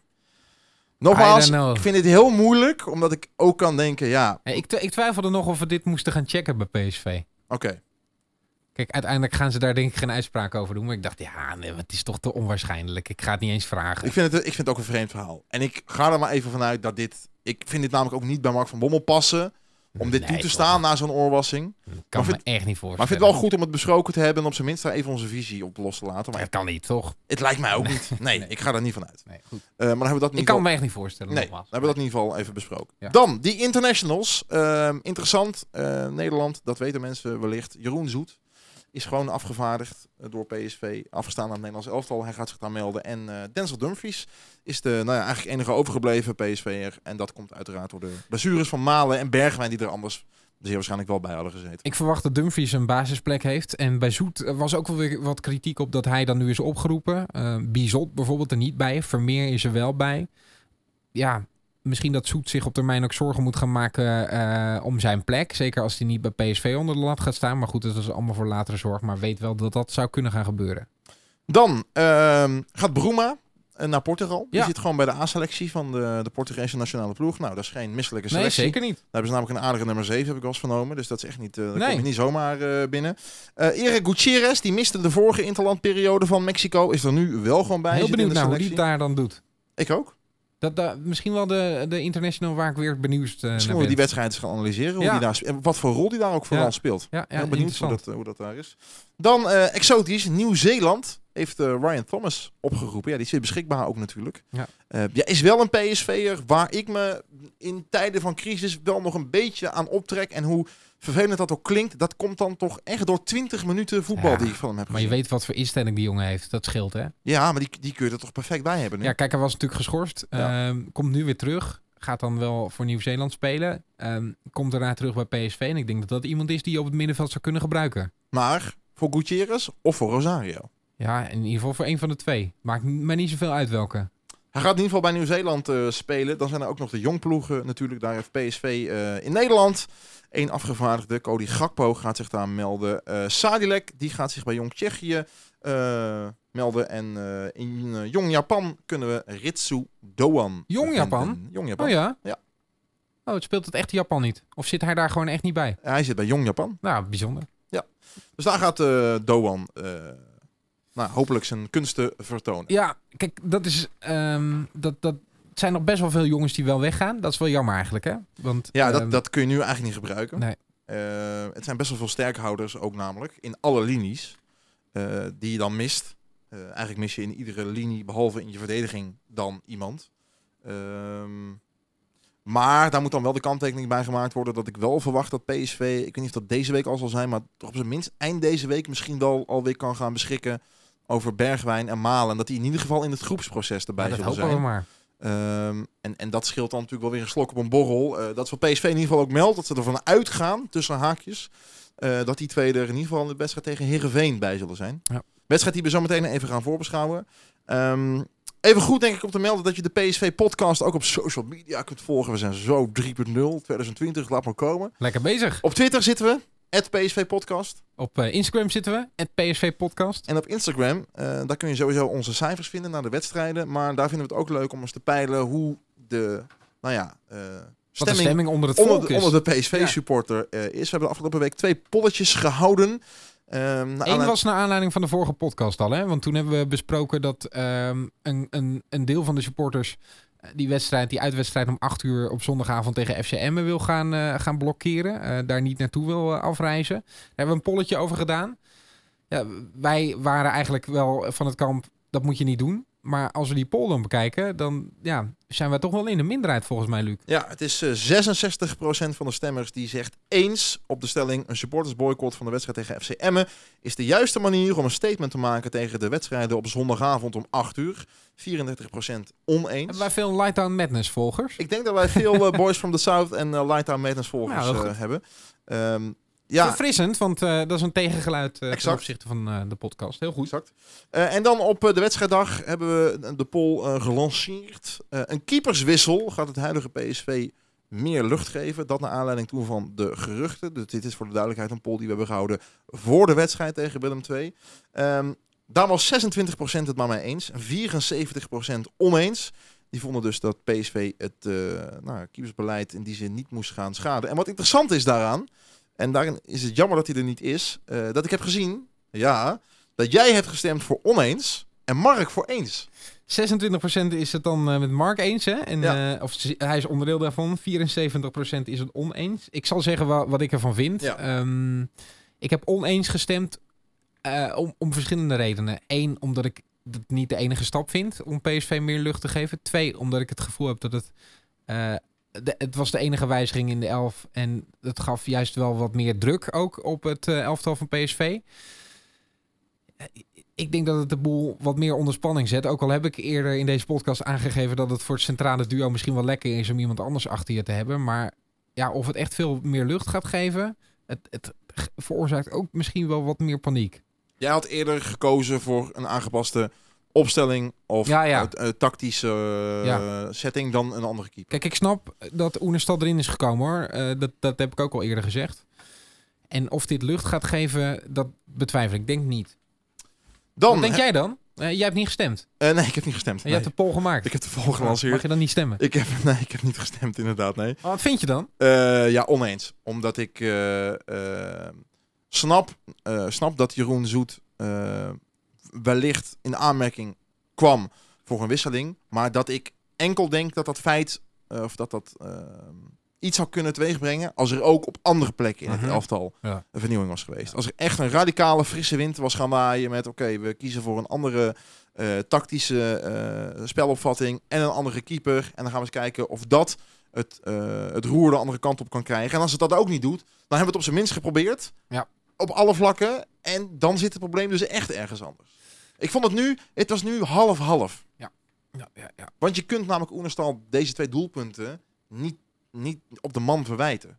Nee, ja, Dus- nog een paar eh, ballen waarbij ik ook al dacht dat hij erin vloog. Nee, maar ik durf, ik, ga ook, ik durf ook niet te zeggen dat het met Zoet in het doel 5-1 was geworden. Nee, dat, denk ik niet. ook niet. Weet je niet. Nee, maar dat denk ik niet. Nee. Eh, dus, dat is, dus dat is lastig. Dus ik denk dat je, dat je beter had kunnen kiezen voor, eh, nou ja, 4-4-2. Ik weet dat het, dat het zeker bij PSV-supporters, dat dat, een heel, dat een heel precair onderwerp is. Maar ja, als je al een spits mist en je bent op het middenveld al zo zwak, ja, probeer het maar een keer. Hè? En, en het is wat ik ook... eh, we hebben die wedstrijd eh, van Lask, die hebben we nu een beetje links laten liggen, omdat er heel wat andere dingen zijn. Maar daarin vind ik het onbegrijpelijk eh, dat je niet gewoon op voorsprong komt. Denkt, oké, we schieten die 0-1 erin. Nu met z'n allen naar achteren en met, met de hak... Hoe zeg je dat? Hand en tand? Ja. Dat? Ja. Alles, de kosten van alles, dan maar die 0-1 over de streep en terug. Dan is, is PSV toch nog te veel bezig met... Nou ja, en, en toen eenmaal die goal viel, toen knakte het totaal natuurlijk. Hè? Ja, maar PSV is dan te veel bezig met... Oké, maar wij zijn PSV. We spelen 4-3-3. We willen attractief voetbal spelen. Dus we gaan ervoor. Terwijl je, hoe moeilijk het ook is, in deze fase beter kunt denken... Oké, hij hangt met z'n allen terug. En, en, en ten koste van alles dit verdedigen. Ja. Kijk, het, het- over die Europa League wil ik nog wel zeggen. Dat wordt wel lastig nu, hè? Zeker wel. Want met Lask hebben we een onderling resultaat dat niet in ons voordeel is. Er staan wat eh, ploegen op een kluitje. Ehm, we moeten allemaal nog eh, tegen Rosenborg, behalve dan eh, ehm, Sporting. Nee, PSV heeft het in die zin nog in eigen hand. Eh, is niet afhankelijk van, van andere resultaten. Ehm, maar ja, dit gaat... Je moet een resultaat gaan halen tegen Sporting. Precies, maar dit gaat, dit gaat niet makkelijk worden. Nee. En dus is het gelijke spel, zeker het gelijke spel tegen Lask in Eindhoven, is heel zuur Ja. achteraf. Ja, ja, ja. Want had hij gewonnen, ja. Maar En goed, die had PSV gewoon al kunnen winnen. daarom. Dus, Ja, dus hè? Nou, dat is allemaal achteraf. Ehm, Vooruitblikkend. vooruitblikken dan maar. Want we gaan eh, die, ehm, die wedstrijden van het Nederlands elftal van al, van al die andere nationale ploegen gaan we volgen. En daarna staat er dan weer een duel voor PSV op het programma. Thuiswedstrijd. Dat is wel fijn, want we hebben gezien dat de uitwedstrijden echt significant minder gaan dan de thuiswedstrijden. Al weten we nu helemaal niks meer zeker. Ehm, en Heerenveen is dan ook een tegenstander die af en toe fantastisch speelt. Af en toe wat minder speelt. Zondagmiddag 24 november om half drie is die wedstrijd. En Mark is even voor ons in de cijfers gedoken. 67 keer speelde PSV al tegen SC Heerenveen. En er werd niet zo bijster veel keren gewonnen. Het gaat zowel om de uit- als de thuiswedstrijden in dit geval. 53%, 36 keer is dat, won PSV. Er werden er 14 verloren. En ook nog eens 17 keer gelijk gespeeld. Ehm, zeker de afgelopen jaren. hè. 2-2 uit bij Heerenveen vorig jaar. Thuis dan wel 3-0 het jaar daarvoor. 2-2 in eigen huis. En uit verloor PSV zelfs van Heerenveen. Het jaar daarvoor hele spannende 4-3 thuis tegen Heerenveen. En werd het uit 1-1. En het jaar daarvoor werd het thuis dan weer ook 1-1. Dus eh, bij lange na, zeker de afgelopen jaren, niet altijd een zekerheidje voor PSV om tegen eh Heerenveen te voetballen. Voor PSV dus, om even duidelijk te zijn. Eh Heerenveen staat op dit moment achtste, punt minder dan bijvoorbeeld Willem II. Dat door de overwinning op PSV opgeklommen is naar een zesde plaats. Heerenveen krijgt voornamelijk weinig doelpunten tegen.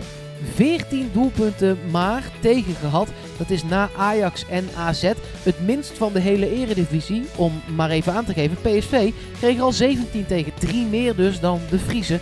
Ze maakten er ook wel maar 20. Dat is bijvoorbeeld bijna net zoveel als PEC Zwolle, dat 16e staat. Dus ze komen moeilijk aan scoren toe, krijgen er ook wel weinig tegen. Dat doet een beetje denken aan de cijfers die we bij Willem II van tevoren konden opnoemen. Die hadden er pas 18 tegen, maar ook pas 16 voor. En die maakten er tegen PSV toch 2. Dus misschien zeggen die cijfers dan uiteindelijk niet zoveel. PSV zit nou eenmaal in een slechte fase. Laten we hopen dat Van Bommel daar in de interlandperiode die nu volgt wel even wat aan kan doen. Hij heeft in ieder geval genoeg spelers op de hertgang. Want ja, jullie noemden net het rijtje al heel even op. Eh, zeker bij Nederland zijn er, natuurlijk een stuk minder dan dat het er waren. Eh, dus misschien kan hij met de spelers die blijven wel echt heel even twee weken lang iets bouwen. Dan nog heel even de grootste thuisoverwinning. Die eh, is drie keer behaald in 95, 96, 2011, 2012 en 2012, 2013. 5-1 werd het toen allemaal in het Philipsstadion. En gewoon heel even persoonlijk feitje. Een van mijn favoriete PSV-spelers ooit komt van Herenveen. Ruud van Nistelrooy. Ja, ik weet dat in ieder geval Luc ook diezelfde passie en diezelfde liefde deelt. Ehm, ja, eh, eh, Ruud. Nu, ik, misschien wel de opvolger van Mark van Bommel eh, na dit seizoen. Ik denk niet dat hij een trainer is die je er tussentijdig zomaar even in moet gooien. Maar hij is in de lijn Cocu van Bommel wel de volgende aan de beurt. En hij dus natuurlijk eerst furoren gemaakt bij Heerenveen. Ik heb een paar vragen voorafgaand aan die wedstrijd voor jou. Oké. Zou je ehm Baumgartel of Schwab opstellen? Of allebei? Eh, nee, ik zou zeker met viergevers spelen. En je kan ook met Baumgartel, Schwab en viergever. ja, spelen. jij met vijf man achterin. Nee, je kan ook nog viergever op linksback zetten natuurlijk. Nee, dat sowieso niet. Ik zou viergever in het centrum houden. Ik zou met Baumgartel spelen. Ik zou die in de komende twee weken echt eh, proberen zo goed mogelijk klaar te stomen eh, en eh, zich op zijn gemak te laten voelen. Want ik eh, ben fan geweest van de speelwijze van Daniel Schwab. Ik denk ook dat hij een grote bijdrage heeft geleverd met een barbecue een tijdje geleden. Maar ik vind hem zeer ondermaats. En waar dat door komt, weet ik niet zozeer. Want ik vond hem in een vorig seizoen onder Mark van Bommel niet zo spelen. Dus ik denk niet dat dat per se van de trainer af hoeft te hangen. Maar ik vind het gewoon, vind het gewoon slordig. Ja. Eh, en ik denk dat Baumgartel zich wil bewijzen. Dus ik zou zeker met Baumgartel spelen. Eh, maar ik zou wel met vier middenvelders spelen. Als je Bergwijn en Malen nog niet 100% kunt Als een van die twee in de fit is. Eén van de twee. Ja. Stel Eh, dat Bergwijn eh, fit is en Malen nog niet. waarom zou je niet- Waarschijnlijk gaat Malen eerder aansluiten trouwens, maar eh, puur hypothetisch. nog één keer, Bergwijn is Bergwijn niet is fit? fit. Bergwijn is fit. Ja, dan zou ik, ik zou 4-4-2 spelen Ja. met Bergwijn als een van de twee Het hangt dus af van Malen, hè, of je met de drie aanvallen speelt of niet. Ja, en je zou zelfs nog kunnen overwegen om met Bergwijn en Malen voorin te spelen. Waarom zou je dat niet kunnen overwegen? Malen is iemand die niet per se in de punt hoeft. Hebben Dan zou je Doan niet laten spelen. Bijvoorbeeld. En Thomas erbij op het middenveld. Interessant. Ehm, wie zou je sowieso op het middenveld opstellen? Ja, eh, als Thomas kan spelen zou ik zeker voor Thomas kiezen. Eh, dan wordt de bezetting daarna wel heel dun. En ben ik bang dat je toch wel weer bij Gutierrez uit gaat komen. Als je met vier man wil spelen, hè, voor de duidelijkheid. Eh, nou, laten we hopen dat die dan bij een Mexico in ieder geval iets kan presteren. Zolang je Rosario aanvoerder laat, kun je die er niet uitlaten. Eh, dus dan zal het toch Rosario worden. En eh, ja, dan hoop ik dat Hendricks weer... eh, Ja, minuut- in Iataren ga je wel laten Eh, spelen. Iataren, uiteraard, Ja, die ga je ja. wel laten spelen. Ja, Hendrik zal ook wel weer aansluiten. Dus als Hendricks aansluit... Ik kan me voorstellen dat daar misschien ook nog wel een rol voor is weggelegd hoor. Dus ook wel iemand die eh, eh, in zo'n situatie wel kan gebruiken qua mouwen Zeker, opstropen absoluut. en weten wat je van iemand kan verwachten. Eh, het gaat nooit een 9,5 worden, maar misschien wel een keer een 6,5. Maar wat zou jij doen dan? Zou jij 4-3-3 overboord durven gooien? Ligt eraan of Malen gaat spelen. Oké, Voor mij volledig. oké. Omdat dat voor mij de puntaanvaller is. En de andere aanvallers nu hebben bewezen dat ze niet een puntaanvaller kunnen zijn. Mitroglou eh, voor de rest van een wedstrijd, maar niet vanaf het begin. En ja, het is dus afhankelijk van Malen of ik, of ik met eh 4-3-3 zou spelen. Of dan wel 5-2-3. Of een Maar- 4-4-2 of een, Wat zou jouw middenveld zijn dan bij 4-4-2? ehm, Thomas, Ja. sowieso. Ik zou eh, Rosario opstellen. Ik zou Iataren zou ik opstellen. En dan zou ik denk Hendrik op, eh, Hendricks Ja, opstellen. dat zou ik ook doen, denk ik dan, ja. ja. Ehm, hele interessante wedstrijd. Laten we hopen dat daar dan de ommekeer voor PSV gaat komen. Dat daar Van Bommel dan weer in een rustige vaarwater gaat komen. Ehm, ja, we hebben deze podcast zoals gezegd opgenomen op eh, de 11e van de 11e. Er kan in de tussentijd wel weer van alles gebeurd zijn. Als je dit luistert. Maar voor zover ik weet, is iedereen nog op zijn plek Ja, denk het ook. op dit moment. Ja. Ehm, En dat gaat dus eh, bij het eerste fluitje aan zondagmiddag 24 november ook zo zijn. en mochten er echt grote dingen gaan spelen binnen PSV, dan melden we ons uiteraard. Maar Ja. daar ga ik niet vanuit. Ehm Kop op met z'n allen. Want ik las toch ook wel weer een soort moedeloosheid. En mensen die ook de podcast nodig hadden. Als een soort lotgenoten. eh, toch een ja, maar beetje... het is ook begrijpelijk, want eh, PSV heeft gewoon sinds 2013 niet meer in deze situatie Nee. gezeten. Nee, nee. En- Ehm, en dus het, is, dus het is heel moeilijk voor supporters om terug te gaan naar een gevoel van hoe gingen we er ook alweer mee om? En om, om je te realiseren dat er uiteindelijk ook wel weer een uitkomst is. ja. Ehm, dus ik ben dat helemaal met je eens. Ehm, ik wil, ja, ik, ik eh, hou alleen wel echt mijn hart vast ja, voor wat PSV dit seizoen echt nog kan gaan winnen. Laten we hopen dat de wonden Nou, niet al te diep worden precies, gewoon. Dat de precies. schade eh, nu beperkt is Ja. gebleven. Al loop je echt wel achter AZ aan. En wordt het in de Europa League heel lastig. PSV kan echt dat ombuigen. We hebben gezien hoe goed PSV kan spelen. Laten we niet de kopjes laten hangen. eh, positief blijven. Ja. Het kan allemaal echt nog. De titel niet meer. Eh, dat, dat lijkt me totaal uitgesloten. Ehm, tweede plaats lijkt me het hoogst haalbare. En een goed Europa League seizoen. Ja. En die geven VV-wedstrijd. Het is wel een uitwedstrijd, hè? Ja, die gaat eraan komen. Als je tips opmerkingen, vragen, dat soort dingen hebt, meld je vooral en volg ons op social media. Eh, zoals gezegd, Instagram, PSV Podcast, Twitter, PSV Podcast. En Laat ook even een recensie achter, dat is ook leuk. Als je ergens een, eh, deze podcast luistert en je kan daar sterren, reacties, weet ik veel wat geven, doe dat, want daar zijn we altijd blij mee. Het liefst zoveel mogelijk, maar doe vooral wat je zelf vindt. En zonder tegenbericht melden wij ons dan weer rondom de wedstrijd tegen SC.